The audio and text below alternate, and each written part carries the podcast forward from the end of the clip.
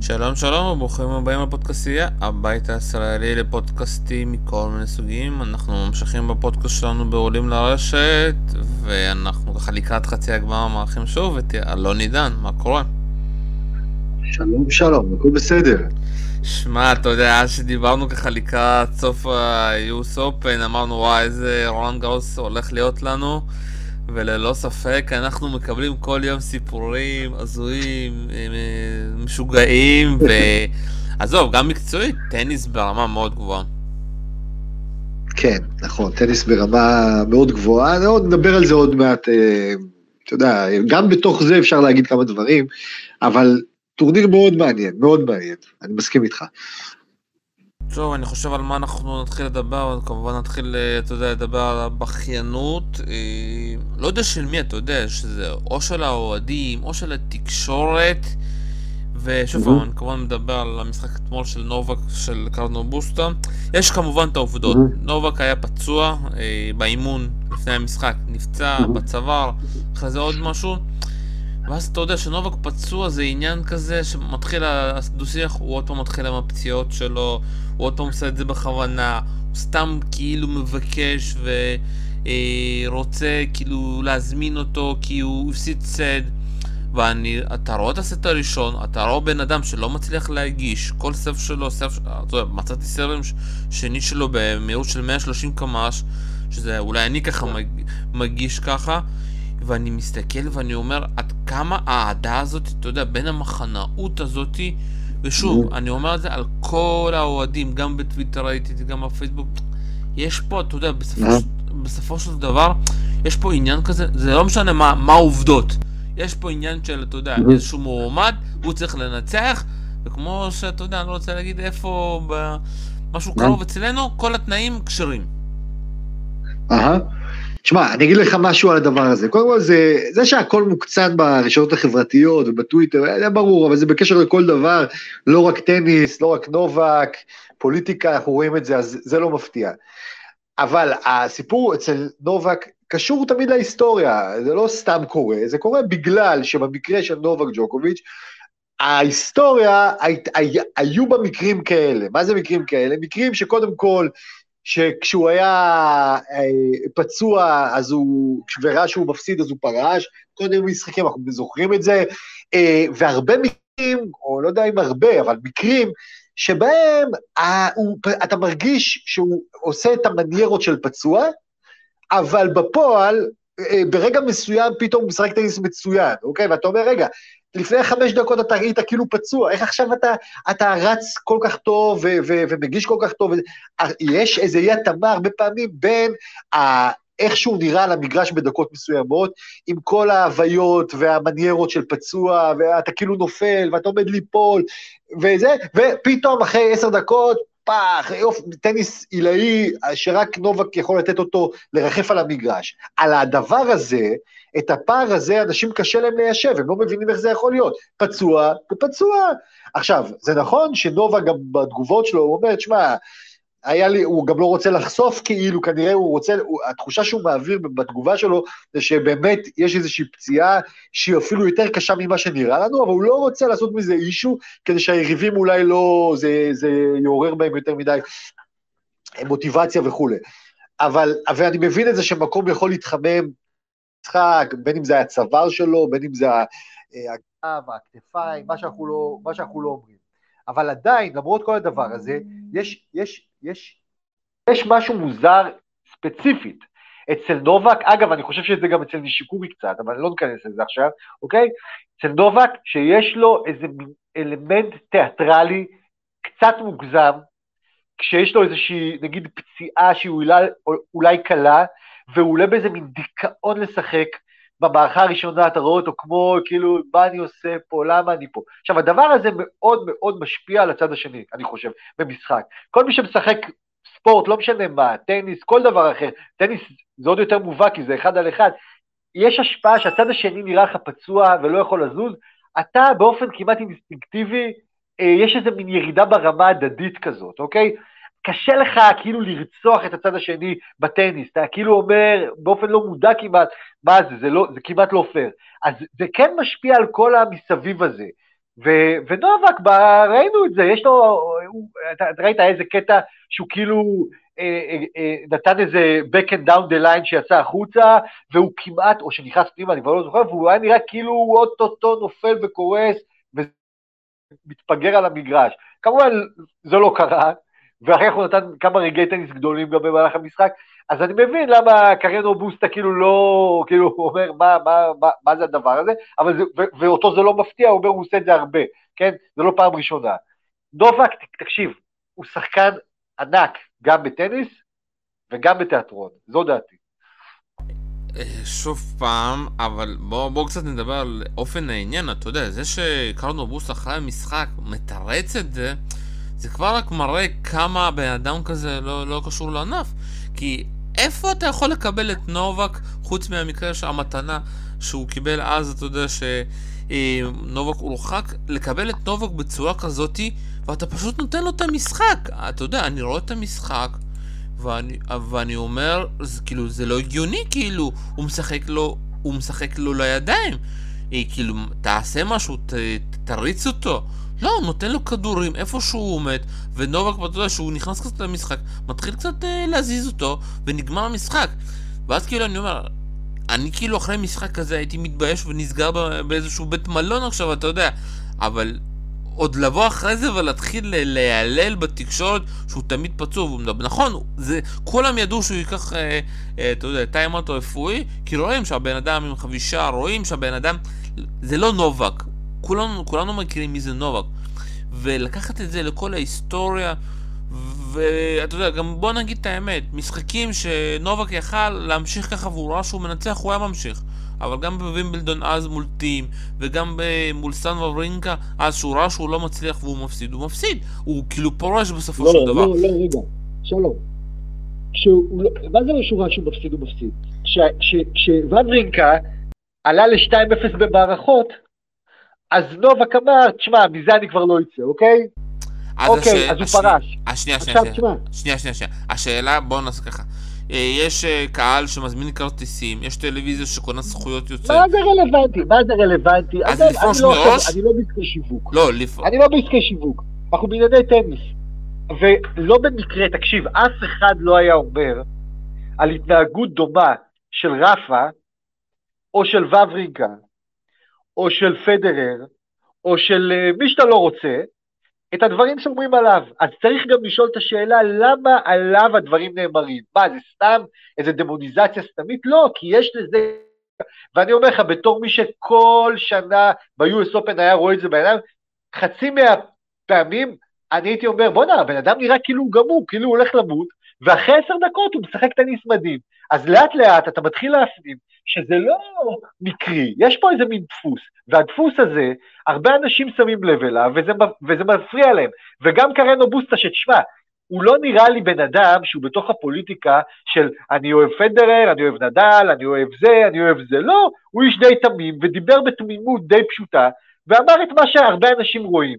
אני מסכים אגב איתך, שקרנו בוסטה, במערכי המערכה הראשונה, במקום להתנפל על נובק, ובמקום, אתה יודע מה לעשות? לתת לו לובים, כל הזמן לובים, כי ראית שבאמת נובק קשה לו להרים את הראש, ובאוברהדים שלו הוא נותן אותם כל כך חלש, כי באמת כנראה קשה לו עם הצבא. אז במקום ללכת ולרצוח אותו, הוא באמת כל הזמן עשה את אותן טעויות והכה כדורים לנובק עצמו, שזה באמת unbelievable, איזה בוקיות שקשה להסביר אותה. אבל זה לא סותר את העובדה שאחרי המשחק, אתה יכול להגיד, שמע, זה נראה לי מה זה מוזר, שבן אדם עושה את עצמו כאילו הוא עומד למות אוטוטו על המגרש, ואחר כך נותן שלוש מערכות, שבלפחות אחת וחצי מהן הן ברמה הגבוהה של נובק. אז זה, זה מוזר, זה מוזר. יש בנובק אלמנט תיאטרלי מוגזם, שמשפיע לדעתי על כולם. ולכן קרנו בוסטה, שזה לא פדר ולא נדל ולא כלום, אומר דבר שאני חושב הרבה חושבים אותו.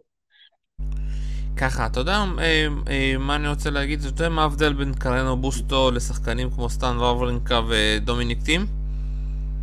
מה? שבזמן שנובק הגיע לעשות את ההצגות מול טים ומול וברינקה, וברינקה פשוט דרס אותו.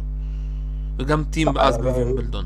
שלום, הם שחקנים יותר טובים ממנו, ואתה ראית שבוסטה הוא מאוד מוגבל, בסופו של דבר מאוד מוגבל, הוא, אתה יודע, הוא כמו, הוא, הוא משחק משחק של נובק הרבה פחות טוב מנובק, עוד כדור ומחזיר עוד כדור וזה, אבל בלי הרבה תחכום, אין לו איזה, אין לו איזה, אין לו חבטה שהיא שוברת שוויון, זאת אומרת, אין לו איזה forehand אימתני או איזה backhand אימתני, הוא solid player, הוא, הוא, כל המכות שלו הם בסדר, אתה ראית את, ה, את הבעיות שלו ליד הרשת, כל הזמן, ב drop shot ים, הוא לא, אין לו את התחכום, הוא, אז, אז הוא מאוד מוגבל, וברינקה יש לו עירה בסופו של דבר, אז הוא יכול לפגוע מאוד מאוד בנובק בגלל ה forehand המטורף שלו וגם ה backhand כשמתלבש לו, וטים כמובן, אתה יודע, עם הדומיננטיות וה, והעוצמות. לבוסטה אין את זה, אז אני לא מאשים אותו במה שאין לו, אוקיי? אז נכון שחשבתי שבשלב מסוים, אחרי המערכה הראשונה, אם היה לו את ה killer instinct, ואם היה לו, האמת, קצת יותר יכולות, אז הוא באמת יכל, לדעתי, אם הוא היה שובר את נובק במערכה השנייה, אני חושב שנובק היה פורש. זה מה שאני חושב. נובק לא היה ממשיך, היה, זה היה נראה כאילו הוא מתלבט אם לפרוש. ואז הוא ראה שהוא לא יהיה שחקן שבסופו של דבר, כן, הוא נודניק כזה, מנג'ס, אבל אפשר לנצח אותו אפילו בהילוך שני או שלישי, וזה מה שקרה בסוף, כן? הוא ניצח אותו בהילוך שני או שלישי, אה, וככה נראה המשחק הזה. אז, אה, אבל לא, אבל מה שבוסטה אמר במסיבת עיתונאים, אני מבין את זה, אני מבין, אני לא מאשים אותו, כי זה באמת מוזר, תשמע, זה באמת מוזר לראות את האמת. שוב, כאילו, יותר מדי פעמים רואים את זה, את אותו דבר, עכשיו, בלי להאשים, אבל זה, זה, זה מה שזה נראה. עוד פעם זה נראה ככה, והוא עושה לך עם העיניים ככה, וזה ככה, והוא כמעט נופל, וזה, וזה, וזה. אוקיי, אתה רוצה לפרוש, תפרוש, אתה לא זה. אבל הצד השני כל הזמן שואל את עצמו, רגע, מה עכשיו, מה זה, מה זה, מה זה. לפעמים יש וברינקות כאלה שמחסלים, ויש לפעמים בוסטות שנופלים, נפל. תמשיך הלאה. אני פשוט חושב שזה, אתה יודע, בכייה כזאת, אתה יודע, במיוחד שאתה מפסיד, ואתה יודע, לפעמים צריך להגיד את האמת, אתה יודע, יצאת קצת אה, לוזר במקרה הזה, אה, וצריך ללמוד משחקנים כמו, באמת, כמו וורברנקה.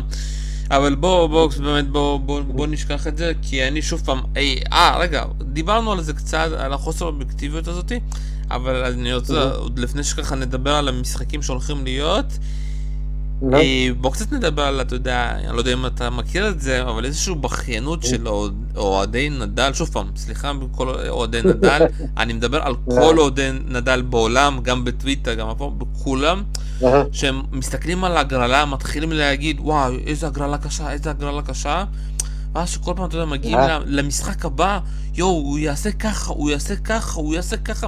הפחד הזה מול שחקנים מדורגים, אתה שמעת על זה? מכיר את זה?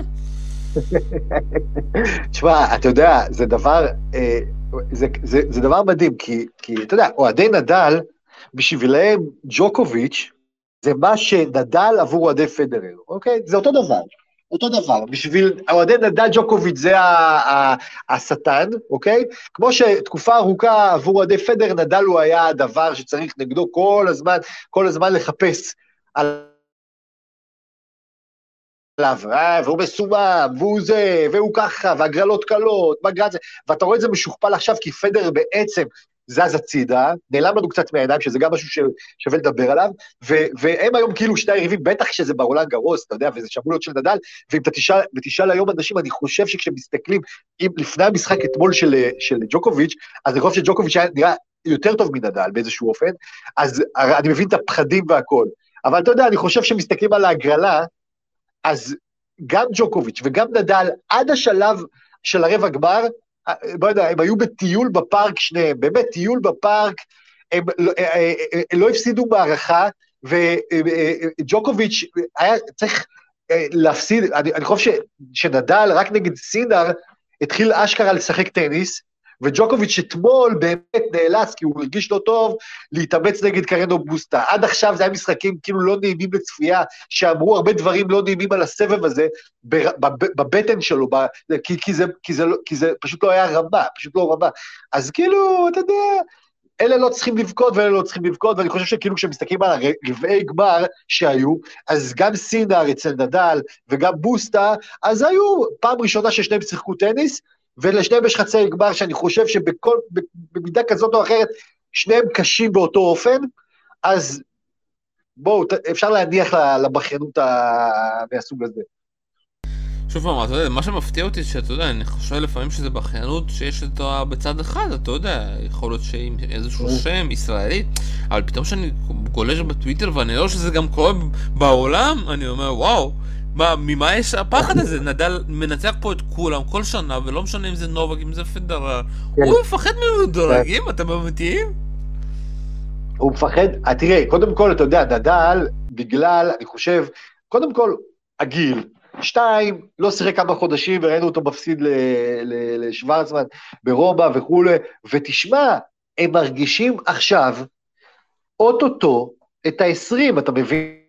20, אוטוטו, תשמע, אנחנו היום ביום חמישי, ביום ראשון, האיש יכול להיצמד לפדרר ב-20 הזה, תשמע, זה רגע בשבילם היסטורי, וכל דבר ש, שיכול לפגוע בזה, ו, ו, ומי שיכול לפגוע בזה באופן מסורתי, זה ג'וקוביץ', שג'וקוביץ', כשהוא בכושר טוב, יכול לנצח את נדל, בר רולנד גרוס גם, וזה קרה כבר, והם יודעים את זה, אז ברור, אז כל הפחדים עולים, תשמע, אני מכיר את זה מהצד של פדרר בשנים הגדולות, שלא, כשנדל פתאום, אנחנו יודעים שפדרר לא יכול נגדו, היו את השנים האלה, ואתה מתחיל לחפש פה ושם, והגרלה, ותשמע, תראה את השרירים שלו, הוא נראה מנופח היום, הוא נראה זה, כל מיני דברים שהיו פעם והיו נראים לנו הגיונים לדבר עליהם, והיום אתה מבין שזה היה פחד, פשוט פחד. אז אני חושב שלאוהדי נדל גם יש פחד מול ג'וקוביץ', ואתה יודע, לוקחים את הפחד הזה לכל מיני מקומות, לפעמים מגוחכים, לפעמים לא, וזה, אבל שכן, הגרלה וכל מיני כאלה דברים. אבל אני חושב שאף אחד, תשמע, באמת, במובן של ג'וקוביץ' ונדל בטורניר הזה, אני לא חושב שבהגרלה שלהם יש איזשהו הבדל מהותי. שניהם טיילו, אשכרה, עד הרבע גמר. ברבע גמר אני חושב שסינר שחקן הרבה יותר טוב מבוסטה, הרבה יותר טוב מבוסטה, למרות שכאילו בוסטה מותאם למשחק הזה כאילו של חמר, אה, ש... סינר הרבה יותר טוב, כי הוא יכול לפגוע בך, יש לו, יש לו חבטות שיכולות לפגוע בך, בניגוד לבוסטה, ונדל, אני חושב שנדל רעד במערכה הראשונה נגד סינר, כשהוא קלט מול מי הוא משחק, מול הילד הזה, אז אוקיי, שניים התחילו לשחק ברבע, ובחצי הם מקבלים שני שחקנים אומנם שונים לגמרי, אבל לדעתי שני מכשולים קשים באותו, באותה מידה. טוב, אני, אני כאילו בא בגישה כזאת שאני בחיים לא מסתכל מי יש, אתה יודע, מה עושה האחר, איזה הגרלה אני מקבל. אני מגיע למשחק גם כאוהד, אתה יודע, אני קצת מצחיק, אבל אני אוהד צונגה, אתה יודע, הבן אדם הזה שלא יודע הג, הגנה, אז, אה, שלא יודע הגנה, אבל אתה יודע, אני באתי לשואו, אתה יודע, הוא בא, משחק את המשחק שלו, בסדר, הוא לא צריך לדעת הגנה.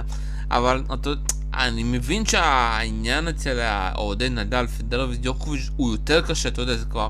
זה יכול להיות שזה גם הפכה להיות, אנשים הפכו ככה בלקטות, ואני לא יכול לדבר על זה כי אני לא, לא נמצא בתוך הכתות האלה, אז אני רואה את זה בצורה שונה, אבל... אבל שוב פעם, אתה יודע, לדבר על נדל שהוא צריך לעלות קלות כדי להגיע לגמר, או על נובק, זה כאילו, זה קצת, אתה יודע, זה כזה... אנחנו נמצאים באותו ענף? כאילו, מה, מה זה, מה זה קשור? לא, אני לא הייתי... לא הייתי מתרגש מזה, ממש לא הייתי מתרגש. זה, זה, זה, זה, אני אומר לך, יש היום קרב על ההיסטוריה. ככה זה, זה מה שקורה היום. יש קרב על ההיסטוריה. והקרב הזה מתנהל בין שלושה אנשים, בפועל בין שניים כרגע, כי פדרר לא רלוונטי בחודשים האלה, והשניים האלה זה נדל וג'וקוביץ', וכל, וכש, ו, ובאמת יש קאט של נדל, ובשנים האחרונות יש קאט שהתפתחה של ג'וקוביץ', אני מבין את זה, הכת של פדר אנחנו מכירים אותה כבר שנים, היא הכת הכי גדולה וכולי וכולי, ובאמת יש מאפיינים של כת, יש מאפיינים של כת, וזה קנאות, וזה קטנוניות, וזה כל הזמן להסתכל לצד השני וכולי וכולי, לפעמים, כמובן, כמו כל דבר, יש גם אמיתות מסוימות בתוך התלונות האלה, אבל בגדול, תשמע, זה אה, אה, בקרבות של כתות, דברים כאלה, לא הייתי מתייחס לכל דבר, רק לדברים עקרוניים. ואגב, אני, לכן אני אומר על בוסטה, שבוסטה לא נראה לי שייך לכת, אוקיי? לכן אני כאילו, לא, אני אומר שכשמישהו כמוהו, שנראה קצת, אני אגיד את זה בפשטות קצת בוק, אומר משהו כזה, אני מבין, אני מבין למה הוא מתכוון. זה לא מוריד מגדולתו של ג'וקוביץ', טניסאי אדיר, כמעט, כמעט מושלם, כמעט בכל מובן שיש, אבל יש לו גם את ההיבט הזה אצלו, מה לעשות, יש את זה. אבל זה לא אומר כלום, הקרב ההיסטורי בסוף, לא, הוא לא ייפול לא על זה ולא על זה, לא יקום ולא יעלה. ואותי אגב מאוד מעניין, תשמע, שאתה מסתכל עכשיו ומדברים על, על הכתות ועל ההיסטוריה, תשמע, ופדר שהוא, שהוא בצד, אה, מי בסוף בסוף, בסוף בסוף בסוף בסוף, האם הם ייזכרו כשלישייה, או האם יהיה אחד שיצליח לרשום את עצמו כמעל האחרים. זה מאוד מעניין, כי זה היה נראה פדר במשך שנים, היום זה נראה ממש שכאילו נדל אוטוטו ב-20, לכן אי אפשר יהיה להגיד פדרר, אה, כי המספרים יגידו אחרת. ג'וקוביץ' הוא קצת צעיר מהם, קצת, לא הרבה, אבל קצת צעיר מנדל. אה, אם הוא, אם הוא היה לו, אם הוא לוקח את הטורניר הזה ומגיע ל-18, תשמע, הוא זה שיכול להגיע גם ל-23, כאילו, אתה מבין? 24, כאילו לשבור את הדבר הזה, ותשמע, יכול להיות שבסוף מכל סיפורי פדר נדל, נקבל את ג'וקוביץ'. שוב פעם, מבחינת הגיל, אתה יודע, היתרון הכי גדול יש לנובק, אתה יודע, ולדעתי, אתה יודע... כן, הוא לא יתרון כזה גדול, אגב, הוא לא יתרון כזה גדול. תחשוב, אני חושב שהוא שנה מתחת לנדל. עדיין. שנה מתחת לנדל. הוא לפחות יכול, הוא יכול לזכות לפחות בסלאם אחד עד גיל, אם הוא ימשיך לשחק עד גיל של פדרר, הוא יכול. למה, למה אתה חושב ככה? למה אתה חושב? אתה חושב שהוא לא יכול להגיע עד הגיל של פדרר? הוא יכול להגיע לגיל של פדרר, אבל אף אחד לא מבטיח שהוא יכול לזכות בכל שנה בסלאם אחד אם הוא ישחק עד הגיל של פדרר. ממש לא. זה לא דבר מובן מאליו בכלל. בגיל 36-7. אני חושב שעדיין יש את הפחד הזה שמשחקים מול נובק, אתה יודע. יש את הפחד, כן, אבל תשמע, אני חושב שהחבר'ה הצעירים שאנחנו צריכים לדבר עליהם עוד מעט, של היום, בניגוד לחבר'ה הצעירים שהם דור הביניים, הם כן יכולים מאוד מאוד לפגוע בשחקנים כמו ג'וקוביץ' ובטח בנדל, כמובן בפדרר, אה, כל הציציפס ובמידה מסוימת זוורב, ואני חשבתי גם שרובלב יכול לעשות את הדבר הזה, ואני עוד לא מדבר על שפומלו ועל יאסין וכולי וכולי, אבל יש שם כמה שחקנים, ומדוודב, שיכולים מאוד מאוד לפגוע בשחקנים האלה, זה מאוד תלוי כמובן בענייני פציעות, בגילאים של, ש, שנדל וג'וקוביץ' מגיעים אליהם, אבל שום דבר לדעתי לא מובן מאליו בגיל כזה, ב-33, 4, 5 וצפונה, שום דבר לא מובן מאליו, כי אתה יכול להתעורר עוד שלושה חודשים לפציעה שתשמיד אותך חצי שנה ותגמור לך את הקריירה למעשה. ואני אומר לך סתם, אגב נדל, כן? דווקא אני בתחושה שאם נדל לא לוקח השנה את הרולנד גרוס, ספק אם הוא ייקח עוד, עוד גרנדסלאם. זאת התחושה שלי. אני לא אומר את זה, זה לא ידע ולא כלום. זאת התחושה שלי, שאם הוא לא לוקח השנה, זה יכול להיות בעצם שהוא לא ייקח עוד גרנדסלאם. כי בניגוד לג'וקוביץ', נדל כן נראה לי אה, אה, התקשה מאוד במגרשים שהם לא חמר לקחת אה, אה, גרנדסלאם, וכשאנחנו מדברים על, הגרנד, על, על, על, על, על, על רולנד גרוס הבא, שמע, גיל 35 ומעלה, כשבאים לך באמת טאלנטים כמו אה, אה, ציציפס, זברב, מדוודב, כל אלה, זה קשה כבר, זה יהיה קשה מאוד מאוד מאוד. ג'וקוביץ' יכול לקחת בכל, בכל משטח, בכל משטח.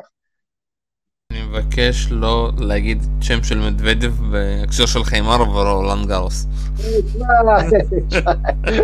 עזוב, תרד ממנו, הוא הפסיד סיבוב ראשון לפוקסון. הוא לא עבר אף פעם, הוא לא עבר אף פעם סיבוב ראשון, אתה יודע. כן, כן, הוא לא, הוא לא, לא למרות שאתה יודע, על פניו לא ברור למה, בראש. זה לא מתאים לו, לא מתאים לו הכי מהר. הבעיה בראש. הוא לא, אתה יודע, היה שם כל כך הרבה קללות במשחק הזה ברוסית, שהוא אומר למאמן שלו, אני לא יודע איך אני מנצח את המשחק הזה, תסביר לי, ואל תסביר לי את זה אחרי המשחק. זה לפעמים, אתה יודע, השחקנים... איך הוא אמר? כן, כן, כן, ככה הוא אמר. אה, מה שמצחיק שגם אה, שוורצמן אמר אותו דבר למאמן שלו, אתה יודע, מול טים, הוא אמר לו, במקום לעודד, להגיד לי ומוס כל שנייה, תגיד לי איך אני מנצח אותו. אז אתה יודע,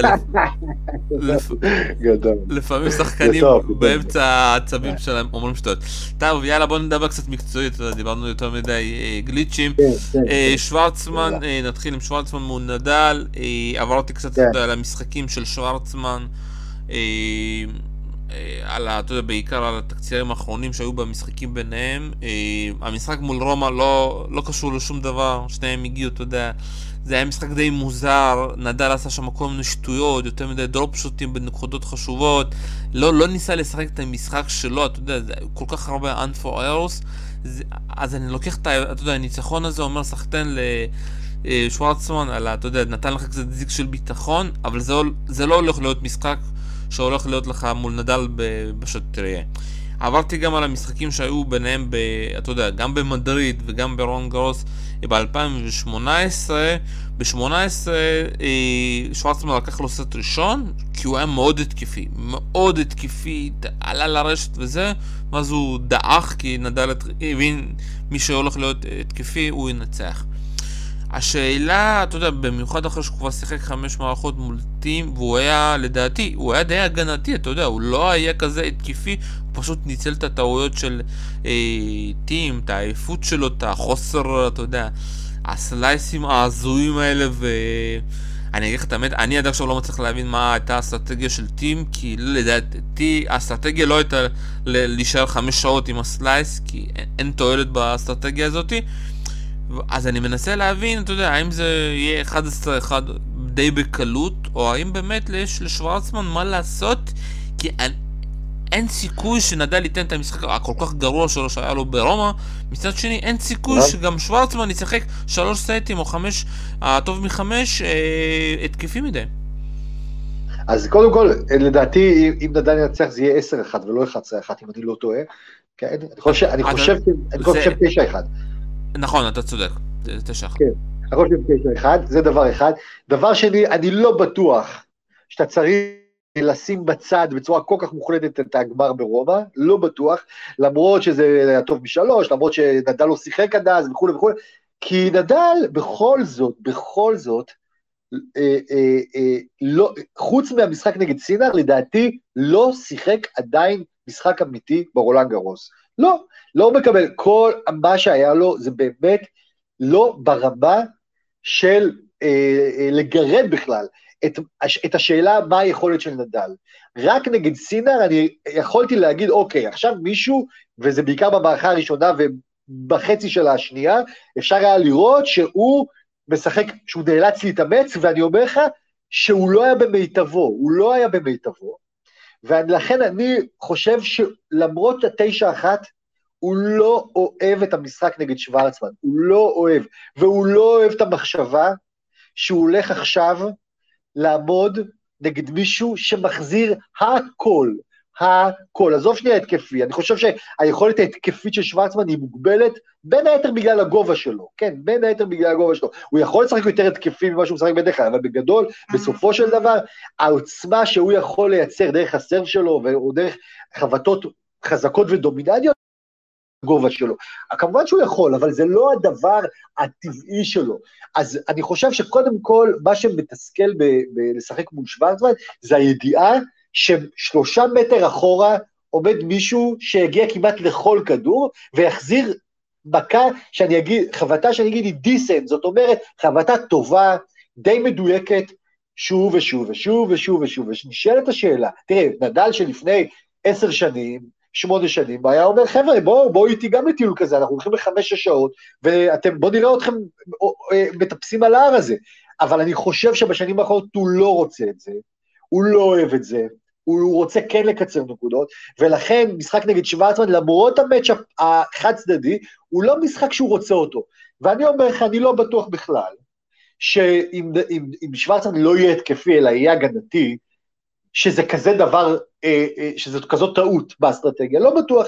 אני כן, הוא כן צריך לנצל כשאפשר לתקוף, אה, אז לנצל את ההזדמנויות. אבל אני כן חושב שאם הוא ישחק מול נדל טניס של להחזיר ולהחזיר ולהחזיר ולהחזיר ולהחזיר ולבדוק מי יכול להחזיר יותר, אני אומר לך, יש משמעות לגיל ויש משמעות לגופני, וזה נכון שהוא שיחק הרבה יותר שעות ברולנד גרוס מאשר אה, נדל השנה שוורצמן, ומספיק אפילו להיזכר במשחק נגד טים, אבל זה, אני, אני חושב שנדל יכול להתגלות לו פה משוכה גבוהה. אני לא אומר, נדל פייבוריט מובהק לנצח פה, אבל אני אגיד לך משהו, אני לא אופתע אם שוורצמן ינצח, לא אופתע.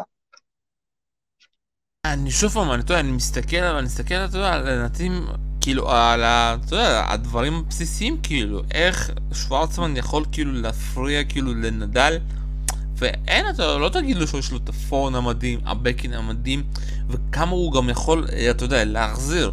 ובכל התקצירים שראיתי, תמיד נדל, אה? שהוא נכנס עם הכדור, אתה יודע, לתוך המגרש, לא עמד מאחורה, שלט, עלה לרשת, הוא, הוא המנצח בסופו של דבר. ועם כל הכבוד לשוורצמן, אין, אין, אין לו שום פתרונות על זה. לא, אני אגיד לך משהו, אני אגיד לך משהו. בפורמה אידיאלית של שניהם, אתה צודק בדיוק, כי בעצם שוורצמן הוא נדל בגרסה מוקטנת, יותר חלשה פיזית ויותר נמוכה פיזית, ולכן כל מה שנדל יודע לעשות בעוצמות גבוהות ב forehand וב backhand, אז אה, שוורצמן יודע גם לעשות, אבל יותר חלש, ולכן בסופו של דבר נדל יכול לפגוע בשוורצמן, ושוורצמן לא יכול לפגוע בנדל. זה אני מסכים איתך לגמרי, ולכן זה התוצאה של אה, תשע אחת. אז בעצם מה שאמור לקרות ברגיל, זה שיש נקודות ארוכות, נכון, ובסוף נדל מנצח את רובן. כן, והמשחק יכול להיות ארוך בזמן, אבל ש, שנדל מנצח. השאלה שאותי מעניינת, זה האם נדל אכן נמצא בכושר האידיאלי שלו, זאת השאלה. אני חושב ש... אה, שוורצמן כן נמצא בכושר טוב. ראיתי את זה גם נגד טים וגם בגמר הזה נגד נדל, הוא נמצא בכושר טוב. הוא לא התחיל כל כך טוב אחרי הקורונה, אבל הוא עכשיו נמצא בכושר טוב. על השאלה אם נדל נמצא בכושר טוב, אידיאלי, אני לא בטוח, לא בטוח. אני אומר שבטורניר הזה, אי אפשר היה לדעת את זה, כי הוא לא שיחק נגד יריבים שהקשו עליו, מלבד סינר, ונגד סינר כן ראיתי שהוא לא בשיאו דווקא, הוא לא בשיאו, ולדעתי הוא מאוד מאוד חשש, אה, נדל, תוך כדי המשחק, במערכה הראשונה הוא חשש, ואם למשל אנחנו נגלה ששוורצמן משחק את הטניס הקבוע האידיאלי שלו, אבל נדל לא בכושר האידיאלי שלו, וזה אומר שכשהוא מנסה להיות יותר התקפי אז אולי הוא לא מדויק, ושהוא לא רוצה לעשות ראלים ארוכים של 25, 25 חבטות ומעלה כל הזמן, כל הזמן, ולכן הוא ינסה לקצר נקודות בכוח נגד שוורצמן, שהוא כן מחזיר מעולה של כדורים, אז אני חושב שהוא יכול להתחיל להילחץ. ופה תהיה השאלה האם נדל הוא בכושר פיזי, מנטלי, טוב מאוד, אידיאלי, או לא. זה אני לא יודע להגיד, קשה להגיד את זה עליו עדיין. אבל אני חושב שוורצמן יכול למתוח אותו, יכול למתוח אותו באיזשהו אופן, ול, ו, ולכן אני לא הייתי אה, פוסל אפשרות שתהיה דינמיקה למשחק, שבו נדל יתחיל להראות לחץ. יכול להיות, ואני לא יודע מאיפה זה יכול להתקדם ומה יכול לקרות, אבל לא הייתי אומר שזה משחק שברור מה התוצאה שלו מראש, כי נשים בצד את הניצחון האחד של אה, שוורצמן, ו-9-0, וזה ברור ואין לו איך לפגוע בו. יש לו איך לפגוע בידיעה שאתה הולך עכשיו להחזיר במשך ארבע שעות אין ספור כדורים, אין ספור כדורים, כושר גופני עילאי, מנטלי צריך להיות הכי קשוח, ונדל יש לו את זה תמיד, השאלה אם יש לו את זה גם עכשיו. קודם כל איזשהו תיקון, זה היה רבע גמר ברומא, הגמר היה מול נובק. אה, והתיקון השני, אני באמת לא רואה, שוב פעם, אני באמת לא רואה, כאילו, אתה מדבר באמת באופן אה, פילוסופי, אבל אני באמת, אתה יודע, המשחק מול אה, סינר, אתה יודע, אנחנו גם חייבים, אתה יודע, נדבר עליו בטח המון בהמשך, כי להגיע ולשחק בצורה כל כך כיפית מול נדל, זה סוג שונה של משחקים, אה, שחקנים, כי סינר, אתה יודע, זה הטיקט שלו, בלתקוף. ושמע, סינר הלך שם על... אה, אתה יודע, לא הרבה שחקנים יש להם ביטחון ללכת אסטרטגית על פורון של נדל. הבן אדם פשוט נכון, ישב, ישב נכון, על הפורון נכון. של נדל, גם עם הבקן, גם עם הפורון שלו, ולא פחד. שמע, זה צריך ביצים. ללכת על נדל על הפורון שלו? נכון, זה היה משחק, לכן זה היה משחק שסינר יכול להתגאות בו, וזה היה משחק שאפשר היה לראות שעולה שחקן חדש, באמת עולה שחקן חדש, ואגב בוסטה, זה בדיוק מה שבוסטה לא עשה נגד ג'וקוביץ', כשהוא היה צריך לעשות את זה, לעשות את זה, וללכת על זה, בעיקר במערכה השנייה, ולכן, אתה יודע, אתה רואה פוטנציאל של שחקן, ואתה אומר, זה, זה, זה, הוא יהיה שחקן.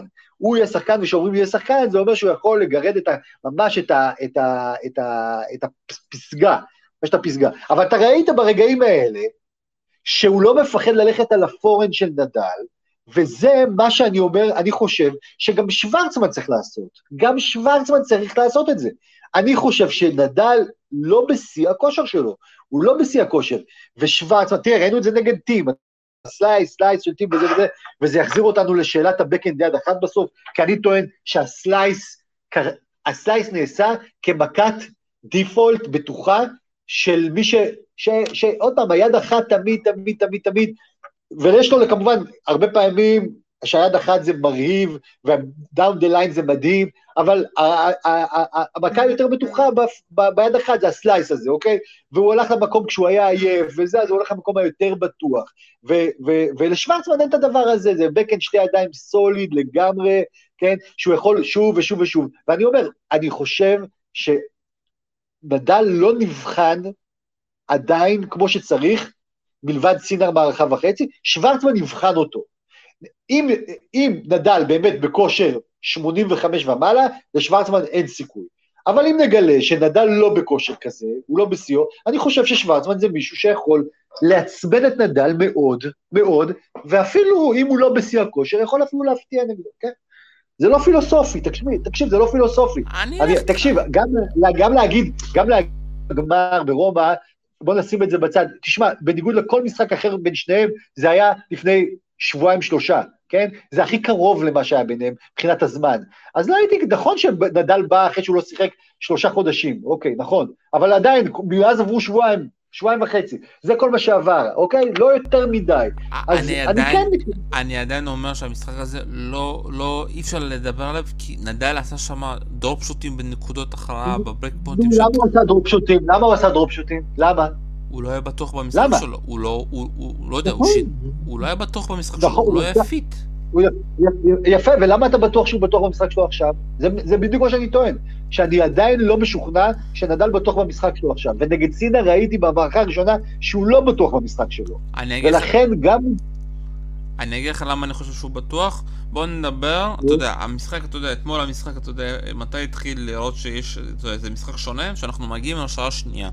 כשאנחנו מגיעים לשעה השנייה, לא משנה, אתה יודע, במשחק של נובק או של נדל, בחימר, הסיכוי, אתה יודע, שהבן, שהבן אדם מהצד השני ייתן אותו יכולת כמו בשעה הראשונה, מאוד נמוך, גם ראינו את זה עם סינה, שהוא הגיע לשעה השנייה. אצל שוורצמן לדעתי לא.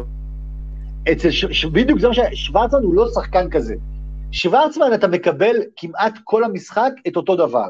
אתה מקבל עכבר שעומד מאחורה, שלושה מטר מאחורה בדרך כלל, ומחזיר ורץ מצד לצד לצד לצד לצד, מחזיר בקן פורן, בקן פורן, בקן פורן, כל הזמן, כל הזמן, כל הזמן. ואני לא חושב שהוא שחקן שאתה יכול להגיד עליו, כן, הוא לא יכול להחזיק רמה לאורך זמן, יש אצלו אה, שינויים אה, דרמטיים תוך כדי, לא, אה, קצת כמו נדל של פעם, כמובן בגרסה מיניאטורית, זה, זה שוורצמן, יחזיר לך הכל כמעט באותה רמה. לכן אני חושב שהוא מעצבן, הוא שחקן שיכול לעצבן אותך, ואם אתה לא בכושר שיא ואתה יכול לטאטא אותו מעליך ולעמוד מולו הרבה זמן, אז הוא בסוף יכול, את, ה, את, את היהלומים הוא יכול איכשהו לנפץ בעוד מכה ועוד מכה ועוד מכה ועוד מכה. אז שוב, כמובן, כל זה נאמר אחרי שאנחנו צריכים להדגיש שנדל פייבוריט גדול לנצח במשחק הזה. זה ברור, זה ברור. טוב, אני לא, שוב פעם, אני יכול להיות שאני לא מאמין בשוורצמן, אבל אני באמת, שוב פעם, שזה מגיע למצבים של, אתה יודע, טקטיקה ואתה יודע, לשנות טקטיקה במהלך המשחק, ואני שוב פעם אומר את זה גם לפי המשחק של שוורצמן מול טים, במשחק של חמש מערכות, וגם במשחקים הקודמים של שוורצמן, היא, יש, אתה יודע, יש שחקנים שיודעים לשנות טקטיקה במהלך המשחק, מדוודב למשל, ציציפס, אה, נובק במיוחד, נדל, פדר כמובן, יש שחקנים שמגיעים עם פלן A ונשארים עם הפלן A. זה, אתה יודע, בעיקר בנשים שיודעים לעשות כמו סבלנקה או אלפ, שיש להם או בום בום בום או המשחק של אלפ, ואין להם פלן אה, B. אה, אז אני לא חושב ש... אתה יודע, זה דווקא... באסה איתי עם שוורצמן שהוא אחיד, שהוא סוליד כל המשחק, אין לו משהו להפתיע, אתה יודע. פתאום נובק שמגיע עם ה...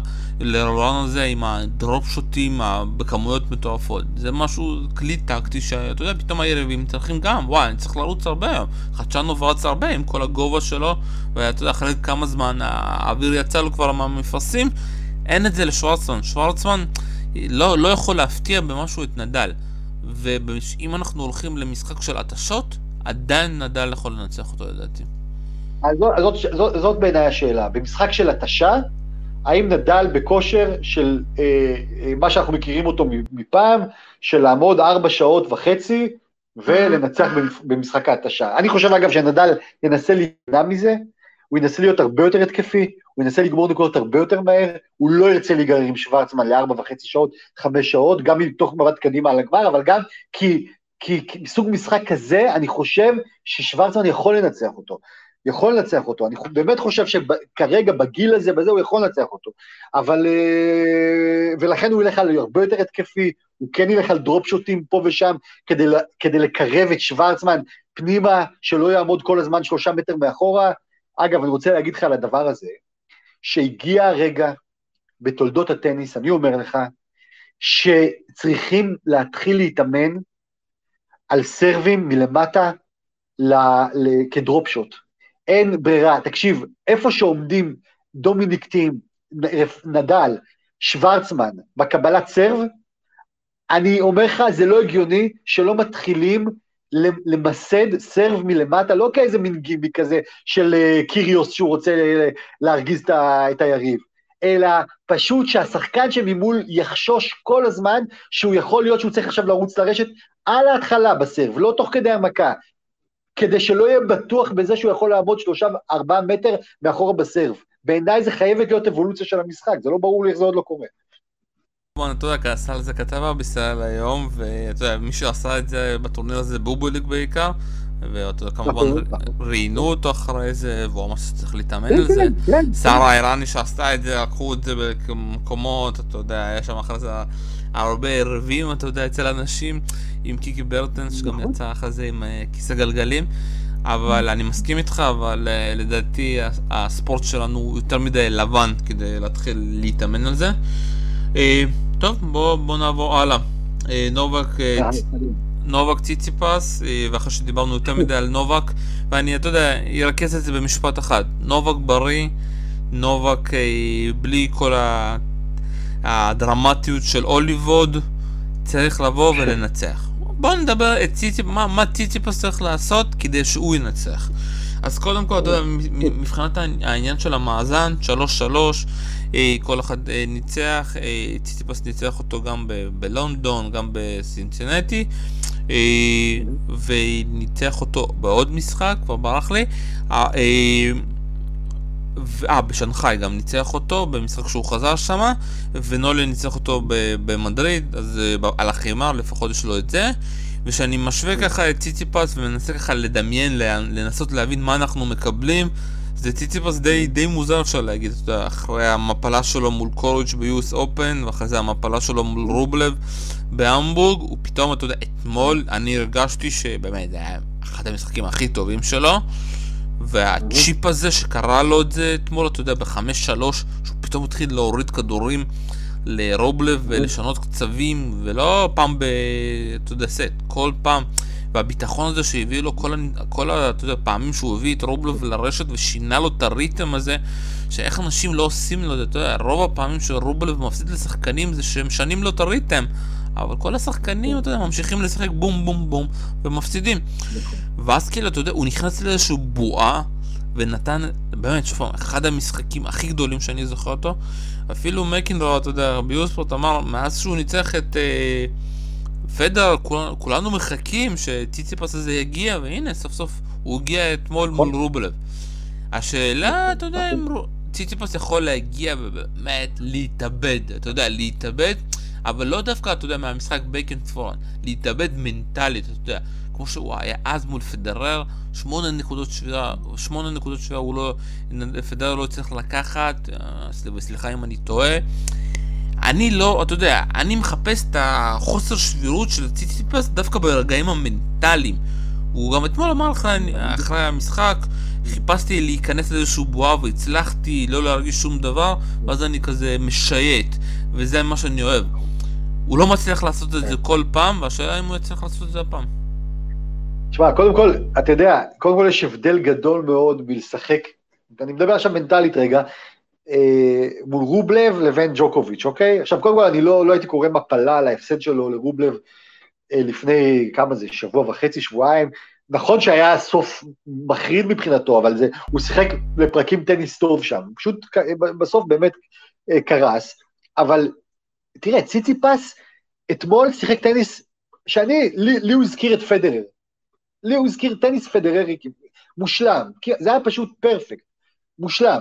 טניס מושלם, הכל היה נכון, הכל, וכל החבטות עבדו לו, השינויים מקצבים, גם דרופ שוטים, גם על- עלייה לרשת, גם ה backhand יד אחת, ש, שהיה לו כמה בקאנדים פשוט מזהירים, אוקיי? זאת אומרת, שיחק באמת טניס מושלם, ואני מסכים איתך שזה קשור מאוד למנטלי גם, כי, כי אתה צריך כל הזמן כנראה לגרש שדים במשחקים כאלה, כדי לא להיכנס פתאום לעליות וירידות ולמערבולות וכולי וכולי. עכשיו, תשמע, מה עובר לו בראש, איך עובר, אנחנו לא יודעים, אנחנו לא יודעים איך הנפש שלו בנויה, אני חשבתי שהוא קצת ילדותי באיזשהו אופן, קצת פריך, כל מיני דברים שהוא כתב בטוויטר, אחרי אה, משחק עם וברינקה, אם אני לא טועה, חמש מערכות שהיה להם, אז או, התחיל להיות, אין לי בעיה שכמובן שיהיה פילוסופיה, אבל זה היה כמעט קיץ' כזה, אמרתי, טוב, תשמע, זה משהו שם לא ממש מבושל עד הסוף באיזשהו אופן, אז תראה, נגד ג'וקוביץ' ונגד אה, אה, נדל, אבל בוא נדבר ג'וקוביץ', אתה צריך באמת מנטליות של אה, רוצח שקט שלא נלחץ מכלום. כי אתה הולך לעבור מסע ייסורים במובן הזה שגם שאתה טוב וגם שאתה לא טוב, אתה יודע שהוא כל הזמן coming back, כל הזמן הוא יהיה שם, הוא לא יוותר, לא יוותר, והוא ייתן לך טניס מעולה כמעט כל הזמן, אוקיי? עם נפילות קטנות פה ושם. האם לציציפס יש את הדבר הזה מבחינה נפשית? אין דרך לדעת, אין דרך לדעת. היה משחק מושלם נגד רובלב, מושלם. וזה עדיין לא אומר שנגד ג'וקוביץ' הוא יכול לתת את אותו דבר לאורך זמן. מצד שני, מבחינת פוטנציאל, שאתה מסתכל עליו. במשחק כמו נגד רובלב, וגם במשחקים אחרים, שמע, כשהוא משחק את הטניס האידיאלי שלו, הוא יכול לנצח את ג'וקוביץ'. הוא יכול, הוא יכול, כן, ג'וקוביץ' שחקן אדיר, וכשציציפס ברגעים הטובים שלו, הוא שחקן מעולה, הוא פשוט מעולה. השאלה כמה רגעים כאלה הוא יכול לחבר נגד ג'וקוביץ', כמה הוא יכול לעמוד ברגעים שג'וקוביץ' יפעיל עליו מכבש, וכשלא ילך לו, שפתאום לא ייכנסו הבקאנדים, שפתאום בסרב ראשון לא נכנס, האם הוא יתחיל להיכנס למראה שחורה, האם הוא יתחיל להתרגז על עצמו, לבעוד... זאת השאלה הגדולה, אני לא יודע, אין תשובות לדברים האלה, כי טניס יש לו, טניס יש לו. אבל בוא נגיד שאם ג'וקוביץ' אכן פצוע, במידה מסוימת, כתפיים, צוואר, לא יודע מה, אז אני חושב שאם היינו רואים אתמול את ציציפס נגד ג'וקוביץ', באותה אה, סיטואציה, באותו תרחיש, אני חושב שציציפס היה גורם לג'וקוביץ' לפרוש, כן. כן, היה גורם לו לפרוש, כי הוא, במערכה שלה הוא לא היה ממשיך עם הבוקיות הזאת, כן, אלא הוא היה הולך כן לנסות לחסל אותו, והוא כן יכל לפגוע בו יותר מבוסטה. לכן, אם ג'וקוביץ' כן פצוע יהיה, אז אני חושב שציציפה זה יכול להיות אה, מכשלה אמיתית. אם הוא פצוע, זה יכול להיות מכשלה אמיתית. אם נובק יבוא פיזית fit, וישחק את הטניס הרגיל שלו, אני, קשה לי לראות איך ציציפס סוחב טוב מחמש ברמה הזאת נגד, אה, נגד נולה. קשה לי מאוד לראות את זה. טוב, קודם כל שני דברים. אחד, אני חושב שציציפס צריך להגיע במטרה. דווקא אתה יודע, זו ההכנה המנטלית הכי קשה שיש. לבוא ולא לשים על נובק מה, איך נובק מרגיש. אם הוא יתחיל להסתכל על נובק עם כל, אתה יודע, הפסטיבל הפציעות שלו, או כאוב לי פה, אני שם, זה, הוא, הוא לא מנצח את המשחק הזה. אתה יודע, זה האנשים שאומרים שמפסידים לנדל עוד בחדר הראשה, ככה גם ציציפס yeah. יכול להפסיד לו בחדר הראשה, שהוא יתחיל להסתכל על זה. זה המלחמה הכי קשה שאתה משחק מול שחקן, שחקן שהוא פצוע. הכי קשה. לא לשים לב מה הולך בצד השני. הרבה לא מבינים את זה. נכון. לשחק מול שחקן פצוע זה הדבר הכי קשה. פדרר אמר את זה, נכון. נדל אמר, נובק אמר, ובמיוחד לשחק מול אה, פצוע כמו נובק. כי נובק, בוא נגיד שהוא, הבן אדם שניצח הכי הרבה במשחקים שהוא פצוע זה נובק והוא לא גם נדל. כמו שנדל תמיד נכון, אומר, נכון. אני תמיד פצוע. פשוט אף אחד לא יודע. דבר ראשון. דבר שני, שאני מסתכל ככה על ה... אתה יודע, על המצ'אפ שלהם, שני הניצחונות האחרונים של אה, ציציפס ב... גם בלונדון ב-2019 וגם בשנגחאי, מפתיע ששניהם היו כל כך קרובים, הגיעו אחרי שהוא הפסיד את הסט הראשון, ציציפס, בשנגחאי ניצח 7-5 במשחק מדהים שם שהיה בסט השני, אני זוכר אותו, שבאמת ציציפס ככה ישב ככה שם על נובק, אה, ובלונדון הוא לקח 7-6 בשובר שוויון, ואז לקח גם את הסט השלישי. ציציפס, יש לו את הרגש הזה, איך צריך לשחק מול נובק, מה שלאחרים אין. הוא יודע שהוא צריך להיות לו מין זבוב כזה, ואתה יודע, זה לא נגמר עד שזה לא, לא נגמר. כי זה הרגעים, אתה יודע, שני המערכות האלה, זה, אם הוא לא היה שם יושב קצת, הוא היה מפסיד שם.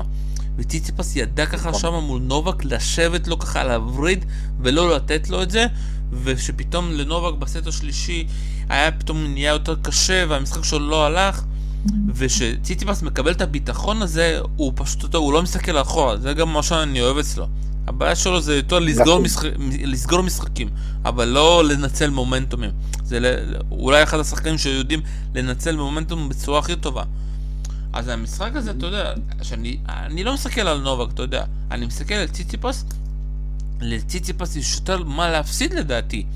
אז מאוד מעניין איך הוא יבוא מבחינה מנטלית למשחק הזה, כמו שאתה אומר, ברגעים הקשים, אתה יודע, מה הוא יעשה. תראה, אני, רוצה להגיד לך שני דברים על זה. אחד, קודם כל, להגיד שלציציפס יש יותר מה להפסיד, אה, אני לא בטוח בכלל.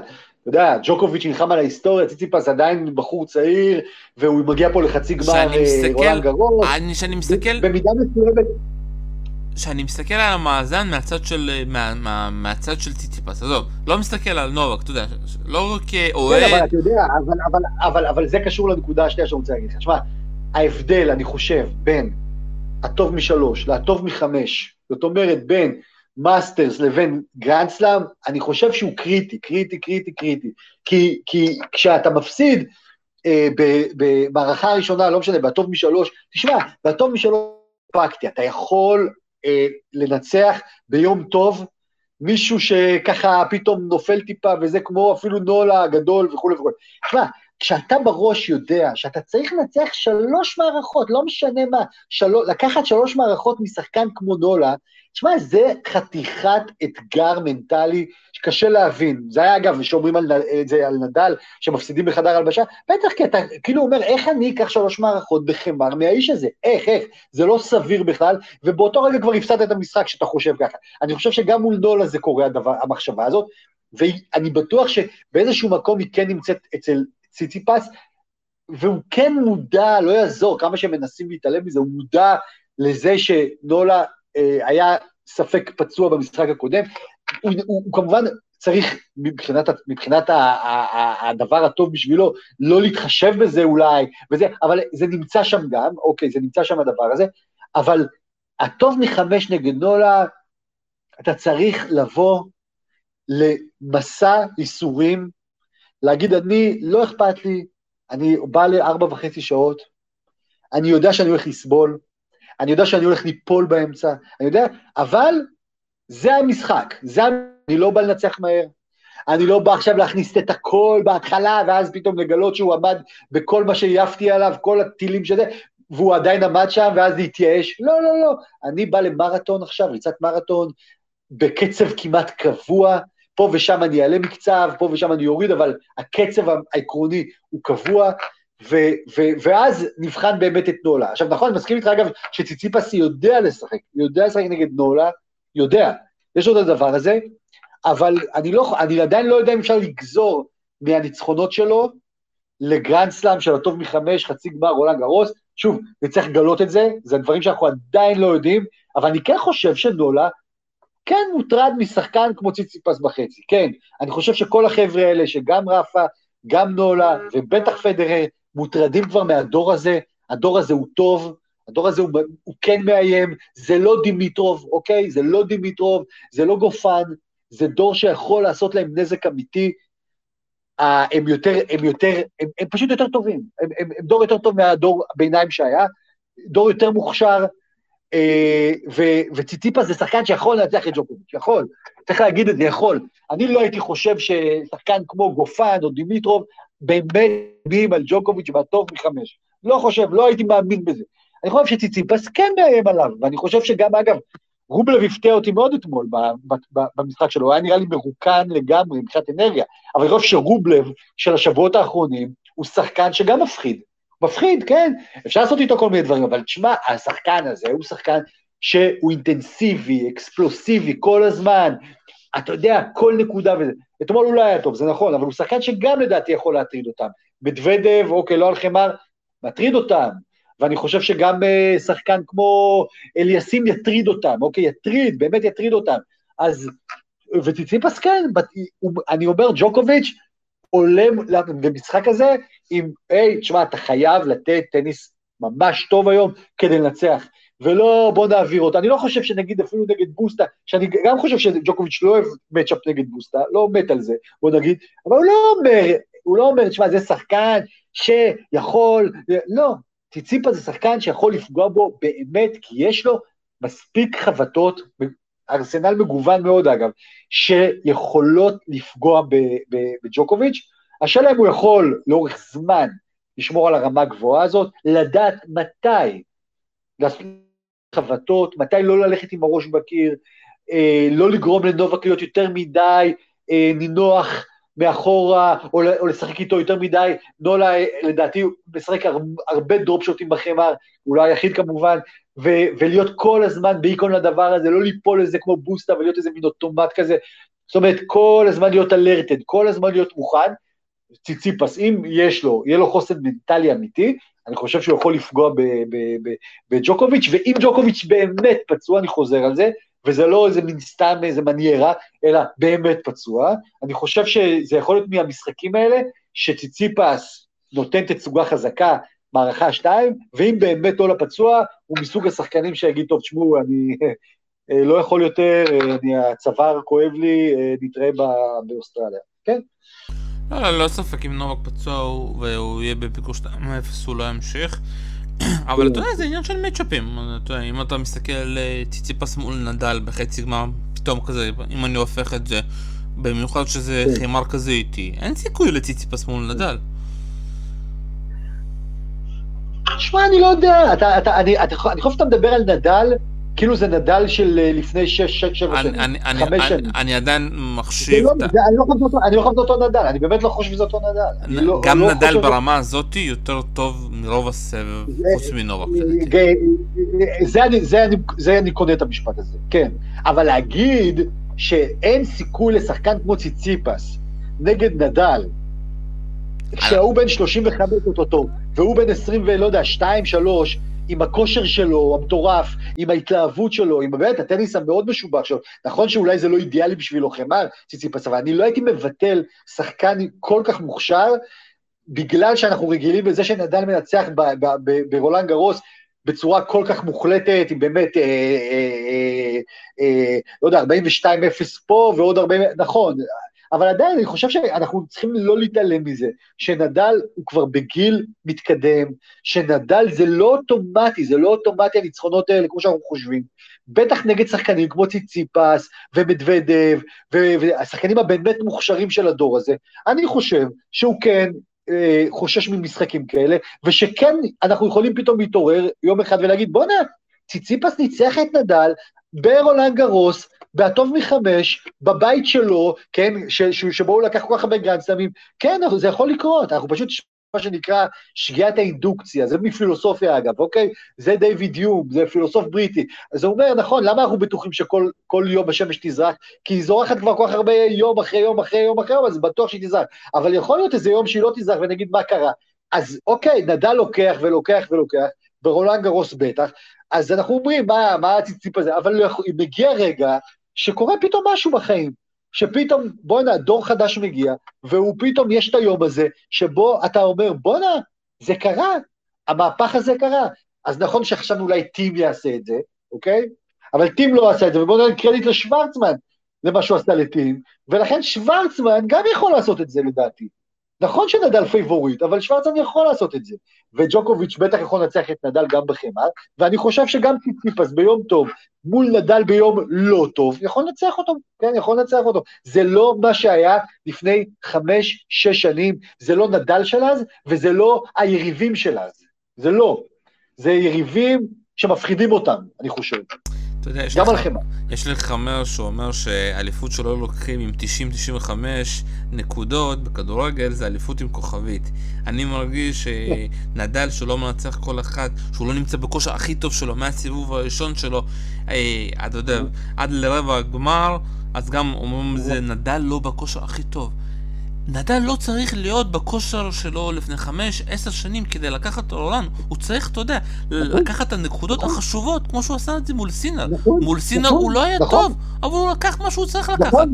וגם נכון, בחצי אבל תגיד לי עכשיו, אבל, כל מה שאמרת נכון. השאלה, אם מול שחקן יותר טוב מסינר, כרגע, אוקיי? לא סינר של עוד שנה, יותר טוב מסינר, האם נדל נמצא במקום שבו בנקודות החשובות הוא ייקח אותם? שאלה, אתה חושב שזה אוטומטית אני, בטוח? אני, אומר- אני אני אומר מול שזה לא, ציציפס, לא אוטומטית בטוח. אני, אז אני אומר מול ציציפס כן, מול שוורצמן כן, לא רואה אותם לוקחים נקודות חשובות, יכול להיות שאני טועה, אתה יודע, אני אשמח לטעות, לא רואה אותם לוקחים נקודות חשובות. אה, הבן אדם היחיד שבאמת יש לו את הפחד הזה שלא מפחד ממנו זה נובק. כי שוב פעם, אתה יודע, בגלל, בגלל ההיסטוריה, בגלל ש... אה, שלום, שלום, שלום, נובק, זו מחלקה אחרת. ברור שנדל מפחד מנובק גם על החמר. אין בכלל שאלה. ונובק, ברור שיכול לפגוע בו. אני בכוונה לא מדבר על זה, כי זה לדעתי מובן מאליו, זה אין מה לדבר. ואגב, וייס ורסה, זאת אומרת, כמובן שגם נו- נולה, כשאמר, אז הוא, הוא גם אה, מוטרד מאוד, אין שאלה. אבל אני, אני חולק עליך בשאלת ציציפס, אה, וגם שוורצמן, וגם רובלב, וגם מדוודב, אולי לא על חמר, כן? אה, אני חושב שהדור של פדר, נדל ונולה חושש מאוד מהחבר'ה החדשים בטופ, מהחבר'ה האלה שציינתי. הוא חושש מהם, כולל מזוורב אגב. הם חוששים מהם, הם חושבים שהם באמת יכולים לנצח אותם ולפגוע בהם, הם חושבים, ושזה שזה לא אולי קרה עד עכשיו, זה קשור לגיל הצעיר שלהם, אבל זה לא מקרי דימיטרו וגופן וצונגה, וזה לא אותו דבר.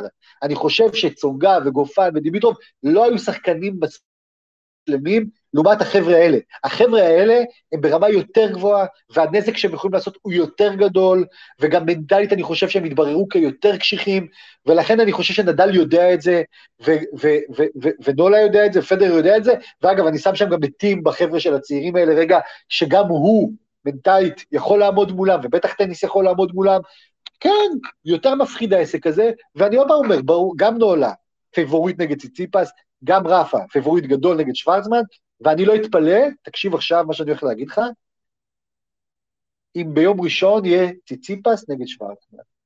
אני, אני אגיד, וואו, מדהים, אבל אני לא אגיד שזה היה משהו שלא יעלה על הדעת. אני לא יכול להגיד את הדבר הזה. ועדיין, 70 אחוז זה נדל נגד נובק, אוקיי? 70 אחוז. אני חושב עד שנדל משחק פה זה קשה לי להאמין שזה יקרה. טוב בוא, בוא קצת נדבר, היו הרבה דברים אה, שערורייתיים בטורניר הזה, אה, נדבר קודם כל, אתה יודע, כל העניין של השופטים והקווים והאוקיי, אה, שזה שוב פעם, אתה יודע, אין ביורספוט שזה גם, אתה יודע, לא הגיוני, בטניס קאנל, אתה יודע, כל דבר מראים לך באוקיי, אם זה בפנים או בחוץ, ביורספוט הם לא משתמשים בזה, וזה קצת מצחיק, אתה יודע, כי כולם יודעים אם הכדור בפנים או לא בפנים. היה ככה במשחק גם של שרפוולוב, אתמול מסתבר שהם מחקו שם סתם סימנים והכדורים האלה, והם טעו בכלל, אה, אתה יודע, במשחק של נובק וקרנו בוסטו. ויש הרבה כתבות וזה, והצרפתים ממשיכים, אין, אה, אתה יודע, אין טעם בזה, זה עולה הרבה כסף, הסיכוי שהשופט יטעה זה קטן, ובסופו של דבר אנחנו ב-2020, וכמו שהצרפתים, אתה יודע, לא רצו לעשות גג ולא רצו לעשות אורות, הם עשו אחרי הרבה זמן, אז מה, אנחנו צריכים לחכות עוד עשר שנים שהם יעשו גם אוקיי על החמר? שזה יקרה, אתה יודע, תקשיב, זה יקרה תקשיב, מתישהו. שנה, שנה, שנה הבאה, שנה הבאה, שנה הבאה, גג שנתיים יהיה אוקיי על החמר. אה, תקשיב, אתה יודע, זה לא קשור לשאלה אם אה, אה, אפשר לראות או אי אפשר לראות, אוקיי? זאת אומרת, זה קשור לשאלה, אבל תסתכל מה קורה, אתה רואה את הטורניר הזה. כמה פעמים אנחנו רואים אי הסכמה בין השופט לבין השחקן שהפסיקה היא נגדו על, אה, על איפה הכדור נחת. אתה יודע, כמעט כל משחק אתה רואה את זה, אוקיי?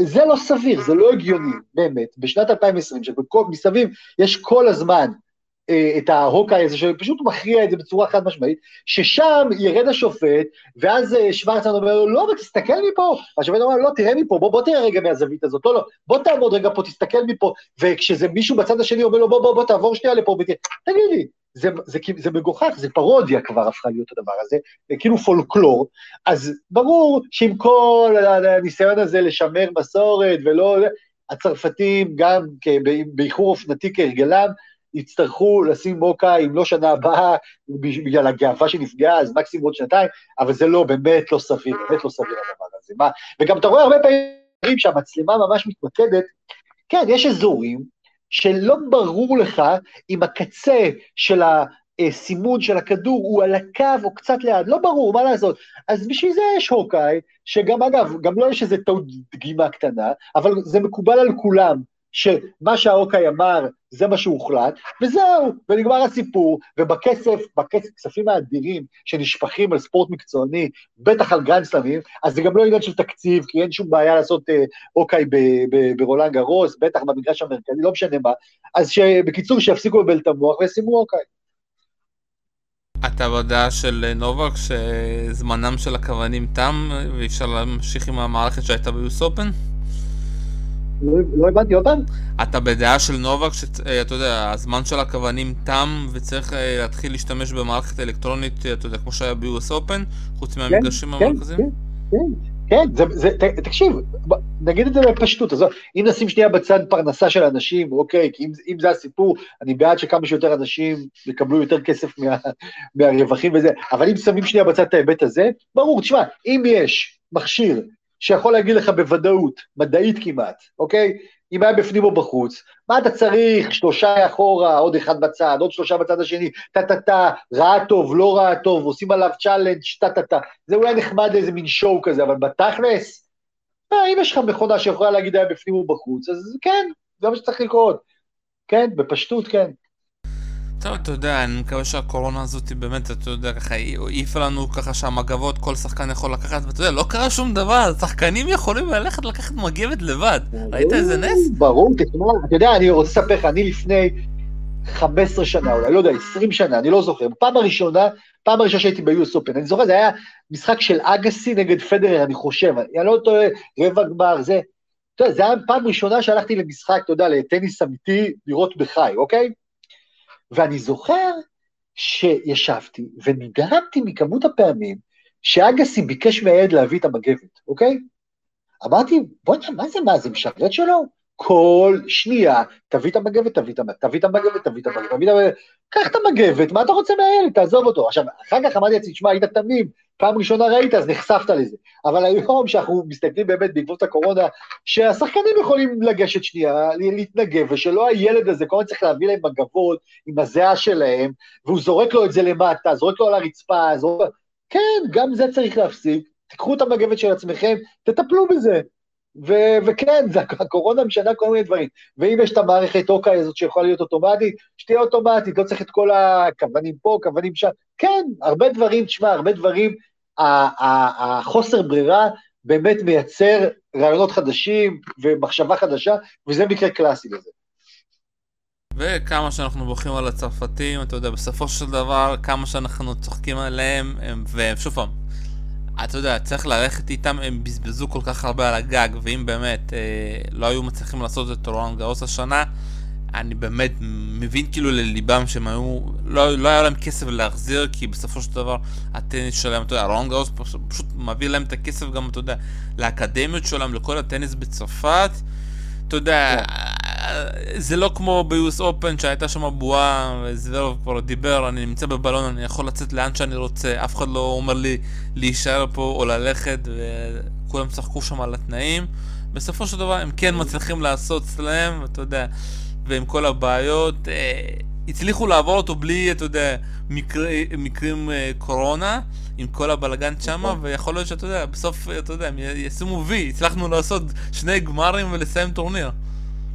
נכון, נכון. אגב, ואני רוצה להזכיר לך שכשהם הודיעו בזמנו, אני לא זוכר מתי זה היה, במרץ, פברואר, לא, על הדחייה לספטמבר, זה היה נראה לנו כמו בדיחה כזאת, של מה אתם מבלבלים את המוח עכשיו, שיהיה באוקטובר, הרי זה לא יהיה באוקטובר, אנחנו יודעים, אז היה חרדת אה, קורונה מוגברת בהתחלה, וגם זה היה כאילו חורף שם, ומה, אחרי ה-US Open אה, חודש אחרי, אבל כן, אתה רואה, הנה, יזמו, בסוף, אה, נכון, המזג האוויר שם אה, הטריד בעיקר בימים הראשונים את, ה, את השחקנים וכולי, אבל בסדר, לבשו עוד שכבה, ראית פה ושם גשם שעיכב, ואז עברו למגרש עם הגג, כן, אבל אתה יודע מה, תחשוב עלינו, אנחנו כצופים, היה כיף לנו לראות עוד טורניר גדול, בזמן שהכל פה סגור, מנותק, מושבת, אז כיף לראות את המשחקים האלה, וכל הכבוד, אני שמח על זה דווקא. טוב, אז אני מבין שאתה מהמר מה, על אה, נדל אה, ג'וקוביץ'? בוא, אתה יודע מה, תן לי, אני אגיד לך, אם, אם עכשיו אני צריך להמר, רציני, אני הולך על נדל ציציפס. וואו. בגלל הפציעה של נובק, כי אני מאמין לו. אני גם מאמין לו, אבל אני חושב שדווקא בגלל הפציעה, דווקא בגלל המילים של קורנו בוסטו, יש לנובה כזה שכולם נגדי, אז אני הכי טוב. נכון, נכון, נכון, אבל אם הוא באמת פצוע, נכון, אבל אם, תשמע, מה שאתה אומר זה מדויק מאוד, נולה אוהב להרגיש שכולם נגדו ואז הוא בשיאו. אבל אם הוא באמת פצוע, אוקיי? באמת, וזה לא רק עניין כזה פסיכולוגי, ובאמת הכתפיים שלו והצוואר שלו מוגבלים, אז אני חושב שאם ציציפס יהיה בכושר מאוד טוב, הוא יכול לנצח את, אה, את ג'וקוביץ', ואתה יודע, וזה רק הימור. ברור, עוד פעם, תקשיב, אם אני צריך לשים את הכסף, לא עכשיו לדבר איתך, אלא לשים כסף, היו אומרים לי, תקשיב, קח את האוטו שלך, את הבית שלך ושים עכשיו, אז הייתי אומר לך, בלי לחשוב בכלל, נדל, ג'וקוביץ', שם מפה. אבל בגלל שאני לא שם את הבית, אז אני אומר לך, ציציפס נדל בגמר ביום ראשון. טוב, שוורצמן, אני לא, בסוף אתה לא מאמר עליו. לא, אני לא, הוא יכול לדעתי לנצח, אבל אתה יודע, אתה, אתה רוצה הימור מושכל. לא, זה, כן, אני, אתה יודע, אני מפחד, אתה יודע, תקשיב, הכי קל להגיד נדל ג'וקוביץ', ולהגיד ביום ראשון, נו, אמרתי לך, זה בסדר, זה, זה, זה משעמם. אז טיפה, אתה רוצה לשלב בין ריאליות לפנטזיה. אז אני לקחתי מהריאליות את נדל, מהפנטזיה את, אה, את ציציפס, לא פנטזיה של מה הייתי רוצה, אלא פנטזיה, מה לא הגיוני, אוקיי? מה שהייתי רוצה זה באמת אה, שוורצמן נגד ציציפס, זה ברור. אבל, אבל ב, ב, ב, ב, בשילוב שבין ריאליה לפנטזיה, לדעתי, נדל ציציפס, זה, ה, זה, ה, זה הסביר.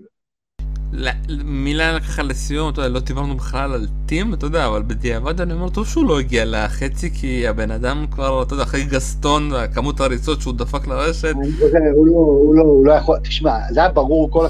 במערכה החמישית בעיקר, תשמע, הוא לא יכל לזוז. הוא לא יכל לזוז. הוא לא יכל לזוז. לא נשאר לו בגוף, לא נשאר לו מספיק. תשמע, צריך לקחת, לחשב לו גם את ה-US Open, צריך לחשב לו את ה-US Open, את המשחק, את הגמר המטורף הזה שהיה שם. הכמות שעות שהוא העביר, האיש הזה, היא מטורפת. גסטון, שזו תקלה שהוא לא חשב ש, שתהיה לו בכלל, מי חשב שגסטון יהיה בשלב ההוא בכלל, ושהוא יוציא ממנו חמש מערכות מתישות, כולל דרופ שוטים שתיזזו איתים בצורה באמת, שמע, אתה לא, לא רואה דבר כזה, כמות אה, דרופ שוטים מדויקת כזאת. אני ראיתי, ואז אתה עולה אחרי כל הסבל הזה, באמת סבל של סיזיפוס שמטפס על ההר ויורד ושוב מטפס, פתאום אתה בא נגד שוורצמן, שזה בעצם עוד גסטון רק ימני, אוקיי? אז שמע, בוא'נה, זה דיכאון, בא לך למות. אז ראית, אז בסוף, במערכה האחרונה, ראית את הדרופשוטים האלה של טים. זה דרופשוטים של חבר'ה, תעשו לי טובה, אני, עם כל הכבוד שאני רוצה לקחת גרנדסלאם, אני מעדיף לעזוב את המקום, לתת לכם להמשיך מכאן, ותהנו לכם, אני גמרתי עם השטויות האלה. תשמע, זה באמת מדהים, ואתה יודע, כולנו דיברנו על הגרלות הקלות של אה, פדר, אה, פדר, אני אומר, נובק ונדל, תהיים שמע, אה. מהסיבוב הראשון, ציליץ', סוק, גסטון, אה, סיבוב שלישי, אני כבר לא זוכר את מי הוא קיבל שם. הבן אדם פשוט, תשמע, כאילו... לא, לא, לא, הוא קיבל גם הגרלה כאילו לא טובה, גם המון שעות משחק, ותאמין לי, יחסית למי ש... מי שעבר את ה-US Open, הוא דווקא שיחק בסדר, כאילו, ובאמת היה, היה טוב, אבל אני חושב שאם הוא היה עובר את uh, שוורצמן, נדל היה מטאטא אותו בגלל העניין הפיזי. בגלל העניין הפיזי, לא בגלל טניס. הוא היה מטאטא אותו, כי לא נשאר לו במכל שום דבר. שום דבר, ראית את זה. לדעתי גם ראית אותו בסוף המשחק, אה, הוא חבר של שוורצמן והכל, אבל הדיבור ליד הרשת, אתה ראית, זה לא היה של מישהו שבדיכאון שהוא עכשיו פספס הזדמנות לעלות לחצי גמר גרנדסלאם. היה לו איזה מין סוג של הקלה כזאת, של תשמע, אני לא, כמה אפשר לסבול על זה, כמה אני יכול להיות על המגרש הזה, חבר'ה, די, תרדו ממנו. אגב, ראית אותו אחרי גסטון, איזה אוויר הוא הוציא מה, מה, מה, מהלחיים שלו אחרי הניצחון, הוא, שמע, זה היה סיוט עבורו, סיוט, סיוט בהתגלמותו. ואני אומר לך, אחרי סיוט כזה, לקבל את שוורצמן, זה כאילו השטן יושב לך על הכתף וצוחק עליך. זה לא, לא פייר כמעט, לא פייר. אז אה, נ, נדפדף לו את זה, נדפדף לו את זה. שמע, אתה יודע, לפני, לפני שאנחנו סוגרים עניין, תשמע, דבר אחד, אוקיי? חבר'ה, אל תשכחו שיש פדרר. אני אומר לך, אני, אני אומר את זה לא כי הוא היה לו פה סיכוי לנצח, לא היה לו, וגם לא כי יש לו סיכוי באוסטרליה לקחת, אבל תשמע, אני מרגיש שהאיש, הדמות מתחילה להיעלם לנו, כן? כאילו, היא מתחילה להיעלם, אני כמו, זה כמו בן אדם שאתה צריך להתחיל להיזכר בו. רגע, לראות קטעים שלו, זה לא טוב, הוא, הוא, הוא, הוא כבר כמה חודשים, אנחנו לא רואים אותו באמת משחק, ואני חושש, אתה יודע, שאנשים ישכחו שגם יש פדרר בכל הסיפור. חיפשתי עכשיו, אתה יודע, קטעים של שוורצמן מול נדל, פתאום מצאתי איזשהו שוורצמן מול פדרר באימון ברון גרוס, ואתה רואה את זה, אתה אומר, מה זה, זה עולם, זה עולם טניס מעולם אחר, מה זה הדבר הזה?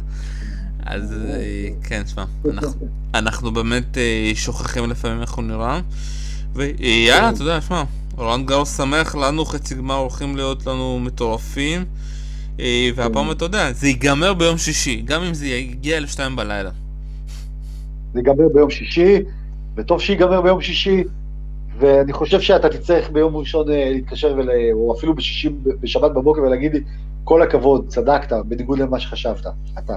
טוב, אני חושב פעם, אני הולך כמובן עם ההימור הכי אידיוטי. אתה הולך עם הכי קל, הכי קל, קל, בוא, הכי בוא, קל. כן, בסדר. אלון עידן, הארץ, תודה רבה לך. ביי. אה, היה שלום סיונוב, ותודה רבה שהאזנתם לנו. ביי ביי.